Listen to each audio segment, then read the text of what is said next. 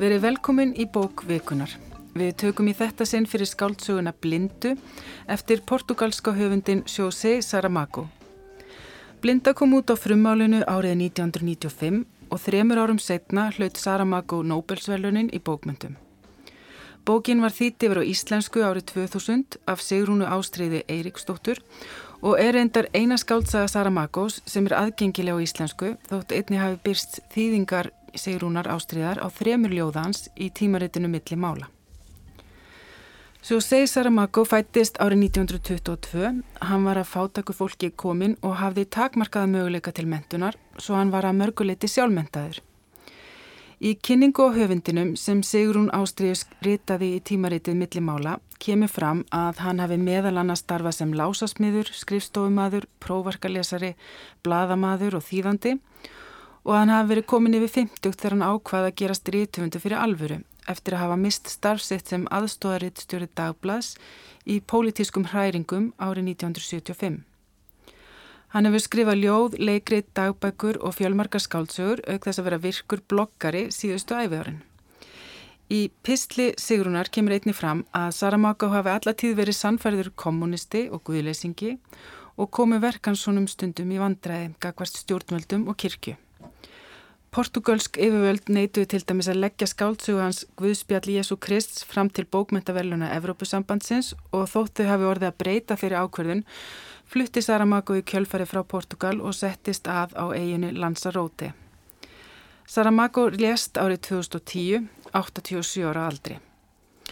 Eh, Gesti mínir í dag eru Átni Heimir Ingólfsson, tónlistafræðingur og Hólmfríður Garðastóttir, professor í spænsku við Háskóli Íslands. Verið velkomin. Takk. Takk. Uh, Átni uh, Saramago, hann hefur verið lengi uppáhaldi hjá þér, eða ekki satt?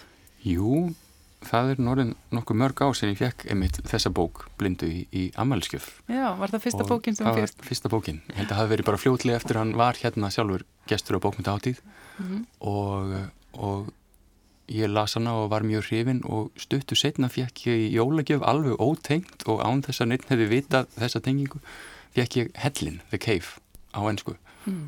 og þar með fór eiginlega boltin að rúla og ég hef verið eiginlega frekar forfallin Saramago aðdáðandi síðan, held ég sem búin að lesa einhverja 6-7 skáltöfur eftir hann Einmitt. Og lastu það blindu fyrst á, á íslensku? Fyrst á íslensku, það er náttúrulega eina sem við lesið á íslensku og allar hinn er á ennsku Allar hinn er að því að það er náttúrulega ekki til, já og Akkurat. þú, einmitt, þú hefur uh, svona, eru einhverjar uh, ákveðna bækur sem að hérna er uppáldi hjá þér, er, þessi bók er hún í sérstöku uppáldi en einhver aðra sem þið finnst ég að byrja betri?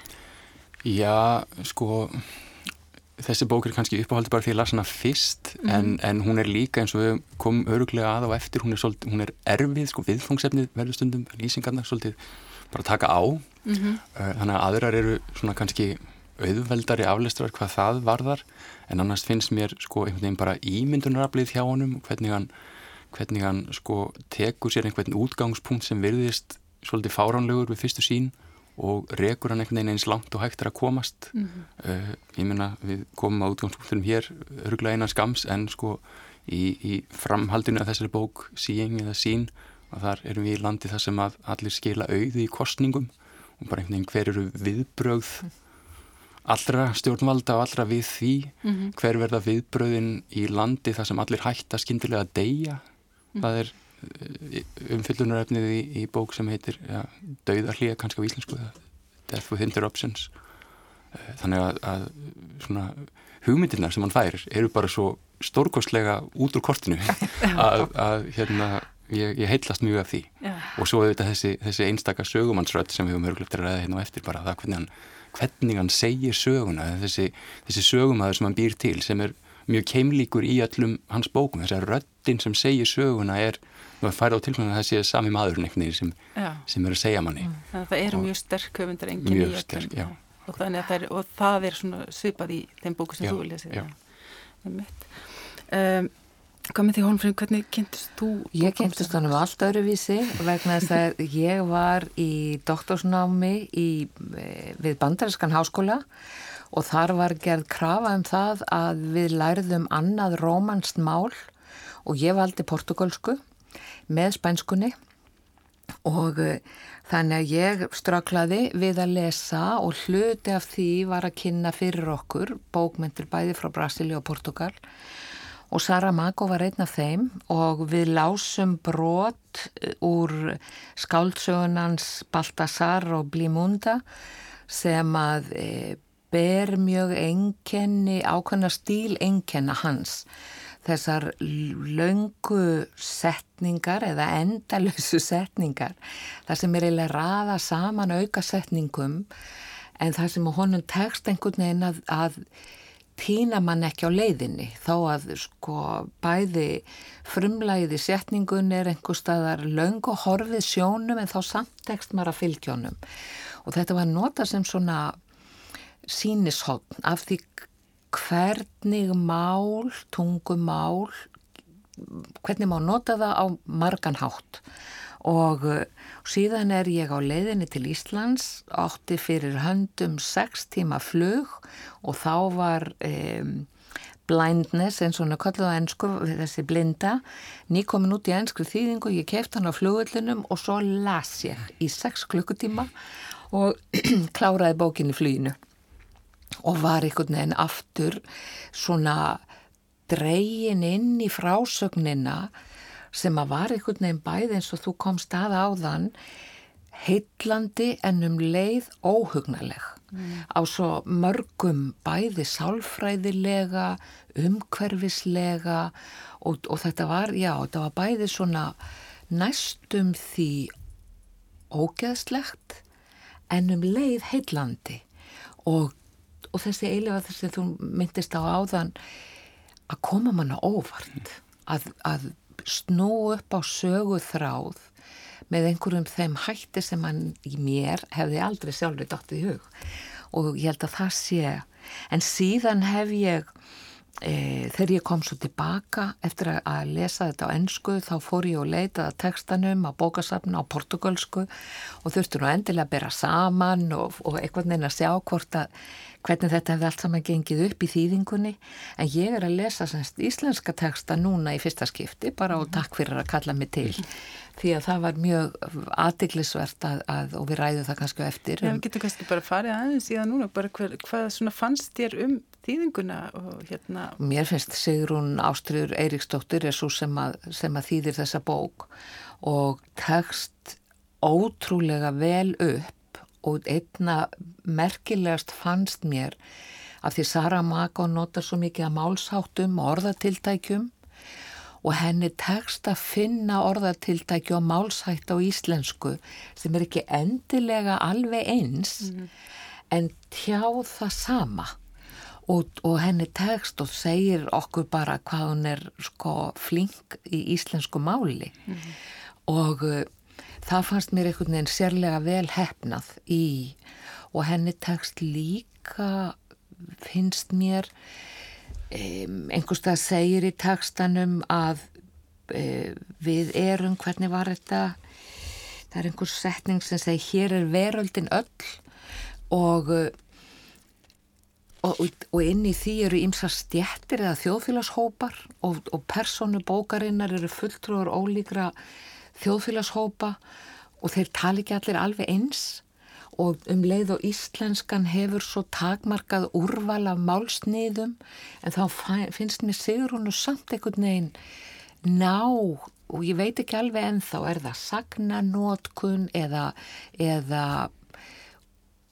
úrval sko orðana en hún, henni tekst einhvern veginn að koma því líka. Mm. einn hennar sem er stúlkan með, með glerögun sem er svona einföld lauslát uh, stúlka. Hún talar öðruvísi. Þau segja það reyndar sjálf í tekstanum þegar að þegar ákveðin hópur er að tala um læknin og konu læknisins þá er gert úr því að þau séu öðruvísi að þau hafa þessi öðruvísi samband þeirra á milli þau ræði málinn sem hjón sem að hinn er greinilega að gera ekki og síður hún er tóst einhvern veginn að koma þess á framfæri mm. Já, ég samanlega þess að þetta er alveg afburða vel gerð þýðing og þó ég hef ekki samanburðið með portugalíkuna auðvitað en, en mm. það er mikil nöytn að lesa þennan texta mm. í þýðingunni og eiginlega svolítið ég var að hugsa það mér svolítið daburlegt að við skulum ekki eiga fleiri bækur fyrst við eigum þennan höfum þennan frábæra þýðanda Já. að það skul ekki fleiri bækur eftir Saramago hafa komið út á þessum 20 árum Já. Þannig að ég eiginlega hvet bara íslenska bókaútgefundur til að gerða sér í brók og ráða Sigrun Eiríksdóttir bara í fullt starfið því það starra mako. Já, ég veit. Það er einmitt eins og komst inn og þá er kannski svona ákveðin atrið sem að engina stílinn hans og fyrir bara svona aðeins að nefna það sem ég tók eftir kannski var einmitt að því við erum kannski ekki með þessar lungu setningar í íslensku þýðingunni, við erum ekki með í rauninni það, en við, það er þessi samtöl til dæmis, mjög mikið um samtöl og einmitt eins og það er orðatiltæki. Og í þessari bók blindu þá er það mjög mikið sem hverfist í kringum sjón. Þannig að það er svona mjög mikið verið að taka einhverja klísir og orðatiltæki. Þannig að hérna það var svona það sem ég tók eftir. En hvað er eitthvað svona annað sem að þið getur nefnt sem svona einkennir stílnans Já, mér finnst, má ég fyrst? Það er ákveðin sko að því hugmyndirnar eru næstum því surrealískar en með samtölunum verður allt mjög hverstaslegt. Þannig að það mætast einhverju svona ólíkir annars vera hugmyndaheimur en síðan líf sögupersonana í aðstæðum sem eru eiginlega uh, utan hins hverstaslega, algjörlega, þá verða þær samt svona maður nær utanum þær af því að samtölin eru kvestasleg og þau eru næstum því sum einföld. Þó að umræðu efnin séu heimsbyggileg eða já, já. Það koma mjög mikið á heimsbyggilegum vangaveltum hér og þar í þessum samtölum. Einmitt, bæði í samtölunum en líka hjá sögumanninu. Mm -hmm. Maður fær svolítið á tilfinninguna sko, hans er líka einhver svona ég sé fyrir mér einhvern svona eldri mann sem er svona áhuga maður um heimsbyggi sjálfur svona fílosofera út frá því sem er að gerast og líka svolítið gaman í einmitt sögunni þannig undir lokin þegar að, að þau eru farin á flakk þarna þessi hópur sem við komum kannski nánar þá eftir en þá einmitt takaðu einlega hús á reytöfundi og Já. maður fær svona pílnötu hljóð þannig að sé Sara Magó einlega komin einhvern veginn sjálfur að verða vittni að því sem hann síðan skrásettur í, í sögunni. Það verður þarna einast í persónu bara í sjálfur í, já, í, í textanu en ef ég mána kannski nefna bara einhverja af þessum einkennum líka sko, sem að svona hrífa mig svolítið og eru líka mjög ofinleg eh, þá er það náttúrulega kannski fyrst og fremst þessi, þessi eiginleiki hans að sko bæði eh, staðsetja sögurna sína mjög órætt það er aldrei tekið fram sko hvar þær gerast það er á ekki bara við um blindu heldur bara yfirleitt hjá honum uh, við vitum ekki hvað landi eða hvaða borg uh, sagan gerist og síðan að, að sögupersonurnar bera engin eiginöfn mm. uh, Er það líka í fleiri bókum? Já, já ekki já. öllum mm -hmm. en til dæmis bæði sín sem er framhaldið á þessu og ég er svona eiginlega kannski setni bókunum sem hann skrifar já. meira, og þá já. er það eins og hér það er læknirinn og það er læknisfrúinn og það er mm. stúlkan með sólirhúin og maður með leppin maður með leppin, rángeiði strákurinn það er svona einkennir hann já, svona, já. Já. En, en þannig verða þau líka einhvern veginn sko fulltrúar einhverja hópa. Þau eru mentafólk eða ómentað fólk eða bílstjóri og einn er þjófur og þannig að það koma inn einhvern veginn svona samfélagsgerð og þessi heimur, hér er heimurinn allur, án þess að segja það nokkur sinnum, án þess að útskýra það nokkur, en við sem lesendur og svo fyrir talan gætnan um við og þá er hann einhvern veginn komin í flokk með mér sem lesanda já, og hann, hann er alvitur, hann veit bæði hvað þau hugsa og gera og hann veit bæði hvað einhver sem fer út úr herbygginu að gera og þeir sem er í herbygginu halda áfram að gera. Þannig að við sem lesendu fáum einhvern veginn aðgengi af mjög mörgum sjónarhóttnum og það gerir þetta líka svo að maður verður svona dregst inn í frásögnina og verður einhvern veginn þetta við. Maður er á staðnum eiginlega og svo eru þessar grótesku lýsingar stundum á aðbúnað og aðstæðum sem að maður sko finnur líktin af eiginlega einhver starf á leðinni Ég held að það er kannski komið tíma að fara aðeins út í umhverfs Já, já. að, hérna, Ég er svolítið langan aðdraðanda því en skáltsagan blinda hún hefst semst í bílaröð og rauðiljósi og við skulum heyra lestu Sigrunar Ástriðar Eiriksdóttir úr þýðingunni á þessu upphafi sögunar Loksins kviknaði grænt ljós og bílarnir brúðust rösklega við, en þó kom í ljós að þeir hafði ekki allir verið jafn viðbrasljótir, fremst í bílinni miðröðinni stendur kyrr, þarna hlýtur að vera á ferðin einhver bílun, bensingjöf sem hefur losnað, föst skýrstöng eða vandræði með högdeifi búnaðinn, kannski hemlarnir standa á sér eða rafkerfið í ólægi, síðan ekki einfallega bensínlaus. Ekki var í það í fyrsta sinn sem slíkt gerðist. Aftur er fólk farið að sapna saman við gangbrautina og það fylgis með bílstjóranum sem baðar út handleggjunum fyrir innan framrúðuna meðan bílarnir bakviðan þeita ákaft flautuna. Nokkrir bílstjórar eru þegar komnir út úr bílum sínum og búa sig undir að íta bílaðabílnum í burtu svo þann stöðu ekki umferðina. Þeir berja reyðilega á lokaðar bílrúðurnar, maðurinn í bílnum snýr andlitin í áttina til þeirra, fyrst til einnar hliðar, svo til hinnar, hann er greinilega að rópa eitthvað. Maður sér á vararhefingum hans að hann er að endur taka orð, ekki eitt orð, heldur þrjú, já þrjú orð. Það kemur í ljós þegar einhverjum tekst að loks að opna bílhurðina. Ég er blindur. Við herðum hér upphafið á bókvikunar sem er blinda eftir Sjósef Saramago uh, í upplestri þýðandans. Það sem gerist næst er að uh, blindan fyrir að smitast millir fólks og fleiri og fleiri smitast. Þýðandin lísti framaldi bókarinnu þannig í viðtali við Eirík Guimundsson í Víðsjá þá fer nú allt úr skorðum. Það, það leysast upp allar vennjur og reglur og, og fólk reynir bara að bjarga sig hver sem betur getur en þannig er einmanneskja sem missir ekki sjónina Já. og það verður nú til þess að, að það er hérna, hún verður eins konar leiðsugum aður lítils hóps. Það fer alltaf kvolf. Það er þannig að stjórnvöld hérna vilja einangra þetta fólk sem hef, hefur orði blind.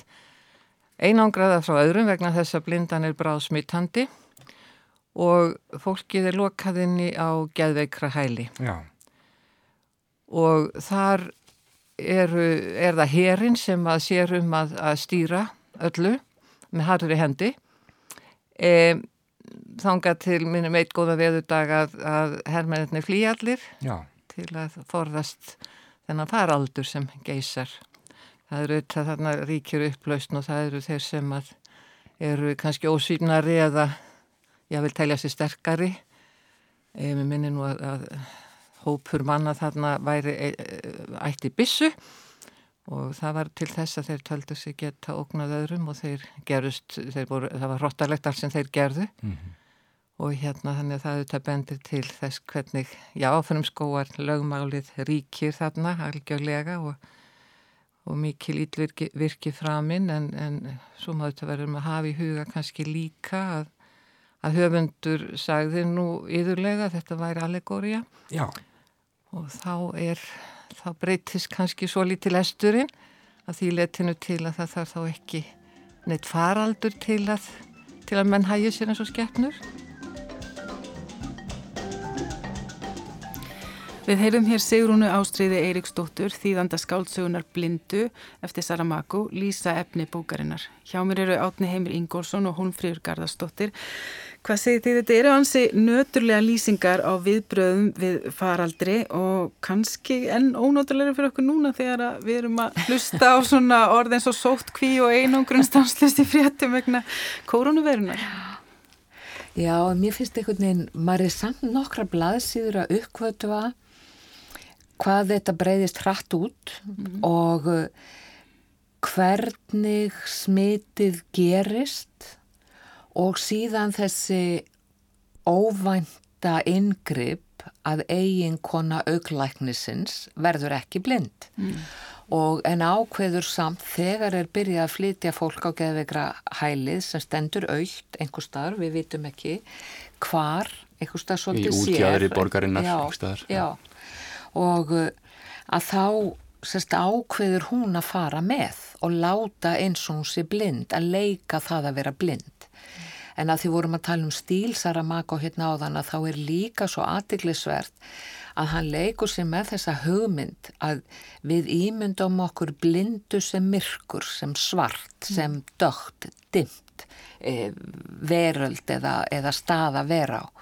en hér er allt sko ljómandi kvít byrta og það er alltaf að vera blindur í hábjörtum degi af því þessi blinda er kvít og þannig að hann einhvern veginn setur svona úr skorðum ymsar hugmyndir manns einmitt. og líka einmitt hvernig hann lýsir hann notar á einhvern stað sko orðið hún er mjölkur kvít sem er áhugavert, hann notar sko orð sem við tengjum við kannski reynleika og sagleysi mm.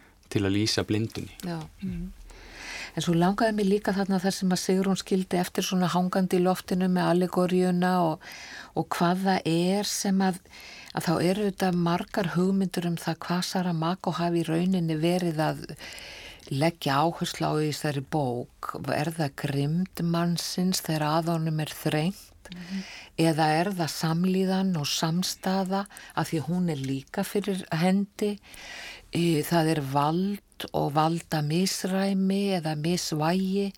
Hvað fólk gerir í valdastöðu hvað fólk gerir í valdaleysi og ertu tilbúin að gera hvað sem er fyrir sko þörf eða nöðsin eins og það að fá að borða ja, ja. og þannig hann tekur fyrir alls konar bara svona mannleg fyrirbæri sem við erum ekkit endilega að takast á við beint í daglegu lífi en bara af því að þau verður all blind og af því þau eru þarna sett inn á þetta afmarkaða svæði þar sem að er ákveðin valda struktúr að þá einhvern veginn verður þetta ákallandi og um leið og þetta er ljóðurænt að þá er þetta líka grimm. Einmitt. Mm. Mér finnst þetta svona svolítið einmitt, uh, þetta er einhverjir skoðanar könnun á sko hvar liggja skilin á milli mennsku og ómennsku. Mm -hmm. Af því að það eru þarna alltaf róttarnir sem eru sko einhvern veginn táknmynd hins illa undir þessum kringumstæðum eða hvað, hvað maðurinn getur einhvern veginn lags látt en svo er það læknisfrúin mm. sem er svona eins og einhver líknandi engill í Já. þessari sögu og, og einhvern veginn breyðir út einhvern veginn líka, hvernig hún tekst á við sko hinnar ólíklugustu aðstæður af líka svo mikil yfirvögun eins og bara þegar maðurinn að sefur hjá annari konu einhvern veginn fyrir framann augun á henni sko.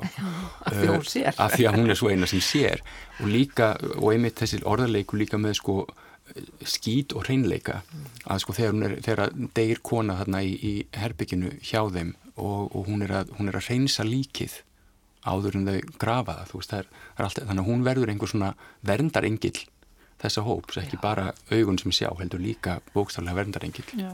En svo verður hún líka grimm af því að þegar þessi hópur sem tekur völdin e, gerir kröfum það fyrst að þau afhendi eigu sína til að fá mat af því þeir bara egnar sér matin sem fluttur er til þeirra. Síðan fer hann fram á það að konurnar komi og sofi hjá þeim fyrir mat. Og það er einhver svona rekistefna um þetta og hún tekur ákvörðun um að þær skuli gera það, hún tekur skref í því. En þegar þá eru þær ekki, konurnar heldur ekki búin að gera sér í hugalind hvers konar ofbeldisfull hópnöðgun mm. verður úr þessari senu og svo er það hún, þessi engill sem tekur skæri, hvað er kvenlegra en skæri sem vopn og drefur aðal mannin. Hún kemst inn í herbyggi til þeirra og stingur hann á slagaðinn í hálsinum þannig að hann deyr 1, 2 og 3 þannig að hún er líka. En við sem lesendur fylgjumst með henni erum eiginlega samferðinni þegar hún er að læðast þarna í myrkrinu inn til þeirra. Og þetta verður ekki einu sinni ljótt þetta er svo réttmætt það sem hún og maður er kannski búin að býða svolítið lengi eftir í líka því það hefur ansið mikið gengið á þarna inn á þessu geðveikra hæli og, og hérna svona, maður hugsaður stundum með þessi hún er svo eina sem sér hún hefði, þú veist, hvernig grýpur hún í taumuna hvernig gerur hún eitthvað? Já. og þannig að það er eiginlega eitthvað sem maður býður eftir allavega ég er fyrir að býða Já, og ég stóð með að að velta fyrir mér sko að því að fyrst fylgir hún manni sínum. Hún er þessi þessi bljúa kona sem fer með manni sínum og hún er alltaf kona læknisins og hún verður aldrei neitt annað í aðri bókinni. Mm -hmm. fylgir eftir og sér um og passar upp á og er svolítið í þessu engla hlutverki. En svo og ég einhvern veginn sem sko svona hérna með kynjaglerugun á nefinu að þá tröflaði þetta mig e, mjög.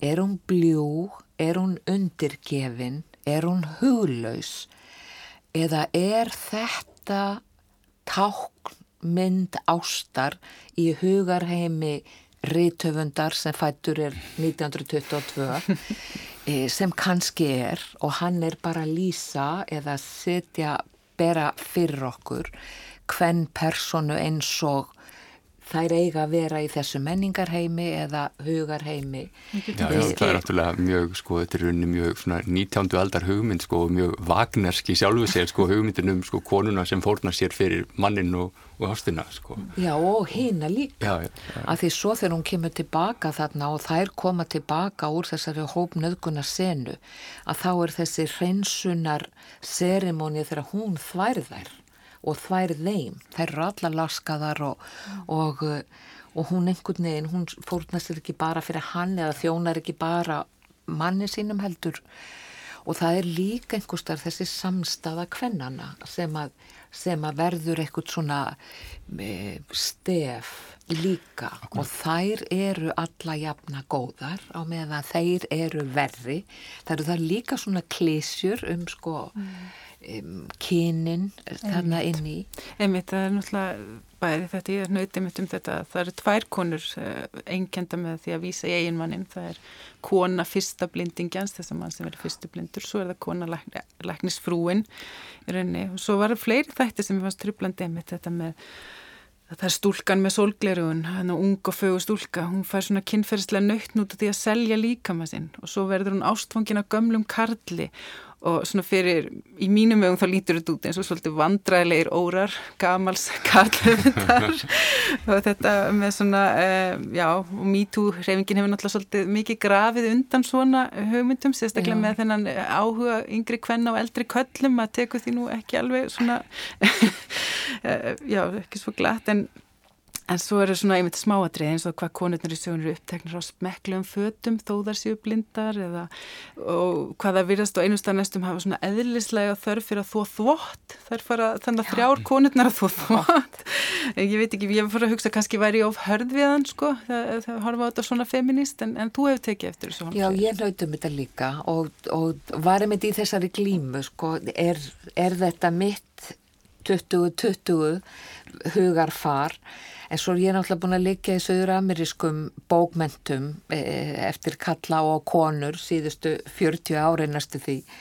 Og uh, þetta eru þetta stef sem að upp í minnhuga kom José Sela sem er spænskurri töfundur um, hérna Gabriel García Márquez sem skrifa síðustu bókina sína sem er einmitt um samband svona ungra konu og gamals kalls eða manns, herramanns mm. og en það er, einhver, það er á, einhvers þar á milli er sko svona e, laungun en um leið líka vernd. Það er eitthvað um þetta hlutverkið að vernda og vera til staðar sem er í bland við ágirnd. Mm.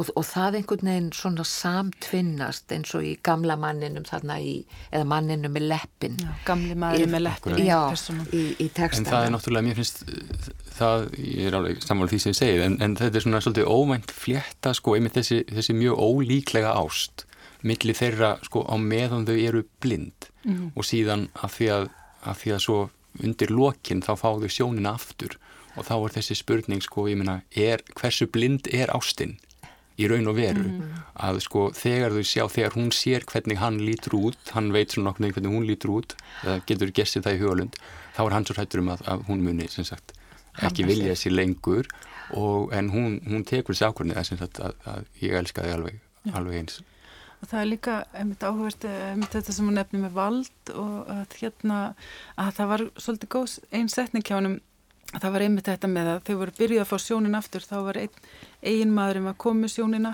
kona var enn blind og hann segir eitthvað sko já það er allt í lægi ég sé þá um þig og þá segir sögumæðurinn eitthvað um að þarna var svona sláandi sambland af einhver svona umhyggju og, og síðan valdi og þannig að það er svo margt sem að býr í þessu. Ég ætla að sjá um þig, þú ert komin í Já. aðra stöðu en ég. Þannig að það er sögumæðurinn svo sem líka e, gerir sér grein fyrir því og, og þannig að... Þessum samskiptu, valda, já, valdaleik. Valda, já, valdaleik. En mér fannst það líka svolítið skrítið, eða var svolítið stund að sætta mig við núna því ég las þetta á íslensku, ég man ekki eftir því ég las bókina fyrst, var sko, ákveður fer hún ekki? Ákveður fer kona læknisins? Hún fylgir og svo þegar hún kemst af því hvaða aðbúnaður er inn á þessu hæli, heimili eða þetta er náttúrulega bara eins og að vera settur inn í fangilsi, mm. þau eru inn í lokuð og eina sem þau komast út er bakgarður og þar grafa þau þá sem að deyja og enginn sér og allir þessi skýtur og sóðaskapur og ég spyr mér hvað er það og er þetta hérna ef hún hefur valdið sem sjónin færir henni okkur sér hún það ekki sem vald? Hún notar hún það mjög já, hún leinir því. Og uh, þó að hinnir sem eru inni þeir sumir gera sig grein fyrir því að hún sér því að hún segir svo einhverjum frá því og þá bregðastu við og segja já ég vissi það, já ég hafði það á tilfinningur já og missir stundum út úr sér eitthvað svona klauvalegt sem hún hefði ekki átt að segja sko, sem getur komið upp um. Og það er náttúrulega sko, við erum hérna með hóp í rauninni hvað er sjö personur eh, sem eru svona eila aðalpersonur að, en hún verður mjög mikil aðalperson í rauninni af því hún hefur þessa sérstöðu Já. og hún er einmitt mjög áhugaverð persóna því að einmitt eins og segir, maður skilur af hverju heldur hún í leindu, hún veit að heldur ekki sjálf kannski, að því hún segir líka hún vill ekki lendi í þjónustu hlutverki en hún vill heldur ekki stýra Já. Já, hún en hún veldir þessu fyrir sér já, já. og þessar hugleiðingar um vald og samskipti kemur í tekstanum og einhvern veginn svona rótar upp í manni sem lesanda því maður það þá sjálfur að hugsa hvað hefði ég gert í þessum aðstæðum? Mm. gæti ég séð mig þarna? En hún er náttúrulega ótrúlega klók og það er líka hluta því sem gerir þess að sögur svo áhugaverðir að fylgjast með hvernig hún tæklar þessar sko mjög erfiðu aðstæður af mjög miklu hugvitsemi mm. oft. Og, og, eins og eins og bara þessi hugmynd að sko fylgja mannumsunum og, og láta sem hún sé, sé mm. blind, það er svona svolítið það, það er mjög spontant hugmynd sem hún fylgir síðan bara eftir og síðan svo margar kringumstæður þarna í sótkvíni þar sem hún sko, þarf virkilega að, að, að beita hugvitinu á, á mjög svona mm. áhugaverðan hátt En þetta, hún segir einmitt sjálf eh, að ég stjórna ekki, ég skipuleg eins og ég get, ég er einfallega augun sem til hinn hafið ekki lengur. Mm. Og það er þetta með skipulagi, það er líka, þau komast síðan út af þessu hæli, Já. það brennur endar bara til grunna. Það er, kveiki, það er hún sem kveikir í. Já, Já hún ætlar að sko... Ætlar að kona, kona blindingjans, kona fyrsta blindingjans, okay. kveikir í... Já en það er sko hérna það er náttúrulega svolítið létti fyrir lesandan þetta er náttúrulega alveg ólega þrúandi mm. aðstæður inn á þessu hæli og mjög ræðilega lýsingar. Og þú veist sko hvernig hann lýsir þessum blinda fólki, ég var nú svolítið móðguð fyrir sko þeirra hönd þegar þau bara lýsið með einhverjum bara ormum sem skrýðum á gólfinu í eigin skít og einhvern veginn. Það er náttúrulega svolítið svona svakalegt. Já, já. og maður verður að hugsa já þetta er svona allt mjög tákgrænt. En hérna en þegar þau sleppa út þá náttúrulega eh, farðu að sjá aðra hópa af blindingum og svo framvegs og það er meðlan að sjá þið fólk sem er að predika, það er svona að koma fram predikarar. Og þá er hún svona upptekinn að því hvort að þetta fólk sé að predika eitthvað skipulag eða ekki, þannig að hún er einmitt þessi skipulagjari Já, já, og hún alltaf hennar blómaskeið í gæsalöpum er auðvitað þegar þau koma út af, og fara út í samfélag og komast að því að allir eru blindir að allt samfélag er í, það er ekki bara þarna innandýra sem allt er í, í sko í, óreiðu heldur að er allt samfélagi þannig. Og það segir einhverstað hérna undir loki sem ég var svo vel þýtt líka, við erum ekki þúsundir í vildri náttúru, við erum þúsundir miljóna í út í jöskuðu og út í jöskuðum og óþreyttum, örþreyttum heimi.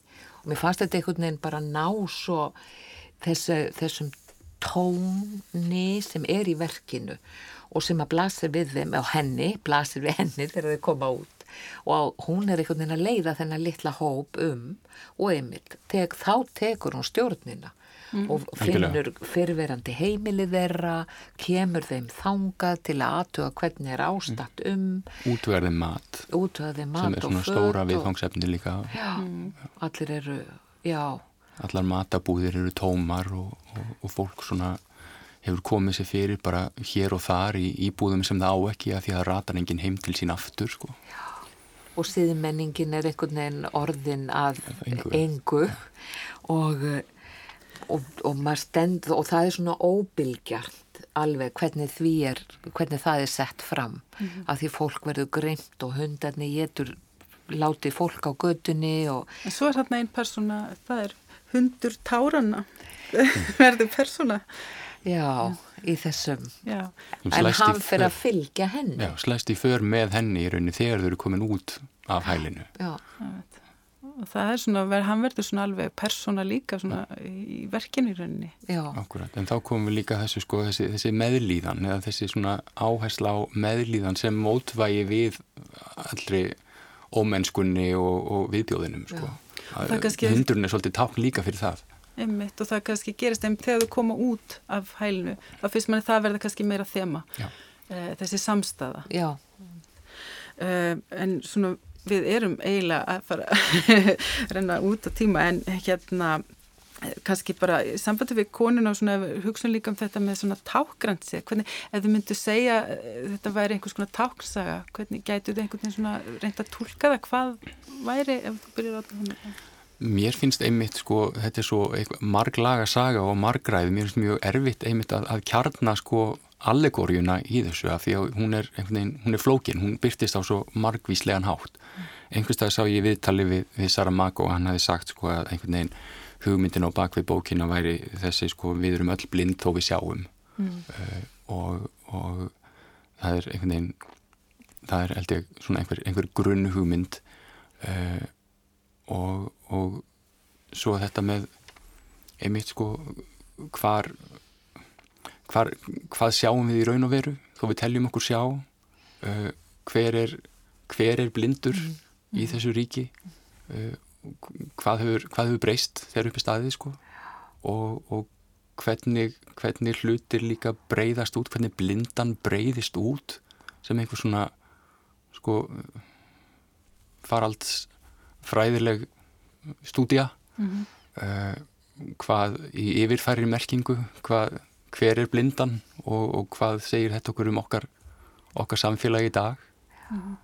Af því það sem mér finnst gerast einmitt með henni það afhjúpast einhver svona óeining í þessu samfélagi, í hópunum og sem að fyrst er með þessum lit, í þessum litla hóp og síðan einhvern veginn í þessu stóra samfélagi og á sama tíma er einhver svona grimmur darvinismi.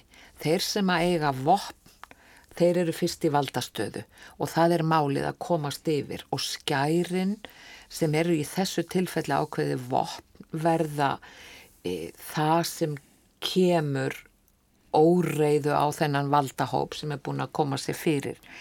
Þannig mér finnst það einhvern veginn vera tvær svona, já þessi óeining og hvaða þarf einhvern veginn, hvernig þau ná ekki að tækla í saminningu þessa ógn. Það er saminli ógn og, og fólki sem býr í þessari borg, hvar sem hún er stödd eða í þessu samfélagi, þau taka ekki höndum saman um að finna lausna málinu. Mm. Heldur verður einhvern svona kapluð um að komast að sinna fyrst sér. Þannig að þetta verður líka svona ekki góð mynd af mannkininu Nei, nei. eða manninum sem samfélagsveru. En hún, svona, kannski er þetta einhver leiti líka, þetta ber svona ákveðin enginni svona heimsenda uh, sagna það sem að er einhver svona uh, hamfarir sem verða og sem kipur svona fótunum undan siðmenningunni og kannski allt hrinur það en síðan einhvern veginn uh, verður ákveðin vonum að það byggist eitthvað upp á nýju. Og maður kannski sér það líka áður jafnlega ánum fara að sjá að það eru samt myndast hópar, þau eru komið með einhvers konar kerfi, skipulag. Já, já, já, þannig að það er Akkurat. kannski ekki bara bölsýni eða hvað. Nei, Nei, nei, dystopían leysist alveg upp í lokin einhvern veginn, það tekur allt aðra stefnu sko. Já. og svo líka mjög áhugavert, minnst mjög áhugavert þessi sena sem gerist í rauninni bara stuttu áður en þau fá all sjónina þar sem hún fer inn í kirkju í mannum Já. sinum, af því að nú Já. var Saramago náttúrulega yfirlýstur trúleysingi Já. og hún er þarna örmagna eftir mjög erfiða lífsreynslu og þarf bara að setjast og kvíla svo þau fara inn í kirkju og þá tekur hún eftir því að það er búið að binda hvíta klúta um augun á allum líkneskjunum og búið að mála hvíta klúta á alla dýrlingarna á, á myndunum og einhvern veginn finnst mér að þetta séu einhver svona strömmkvarf í sögunni eða sko af því að þarna bara beint á eftir verður vendipunkturinn þar sem við fá all sjóna þannig ég held að þetta sé svona ég er ekki ennþá alveg búin að átta með því sko hver merkingin er en það hlýtur að vera eitthvað mjög tátan merking. Þau eru sjálfa að reyna að tólka þetta Já. til dæmis með hérna á Guð ekki skilið að sjá okkur mm. ef við hefum ekki skilið að sjá Já. ef hann hefur gert okkur Já. þetta og svo framvegs en það er eins og það sé ekki alveg það er ekki ljóst Nei, nákvæmlega okay. af, hver gerði þetta, af hverju og hvað á það að þýða. Hver, hver er merkingin? en það er líka bara, bara af því þetta ég er sammálaðir, þetta er mjög svona bæði myndræn sena í verkinu líka.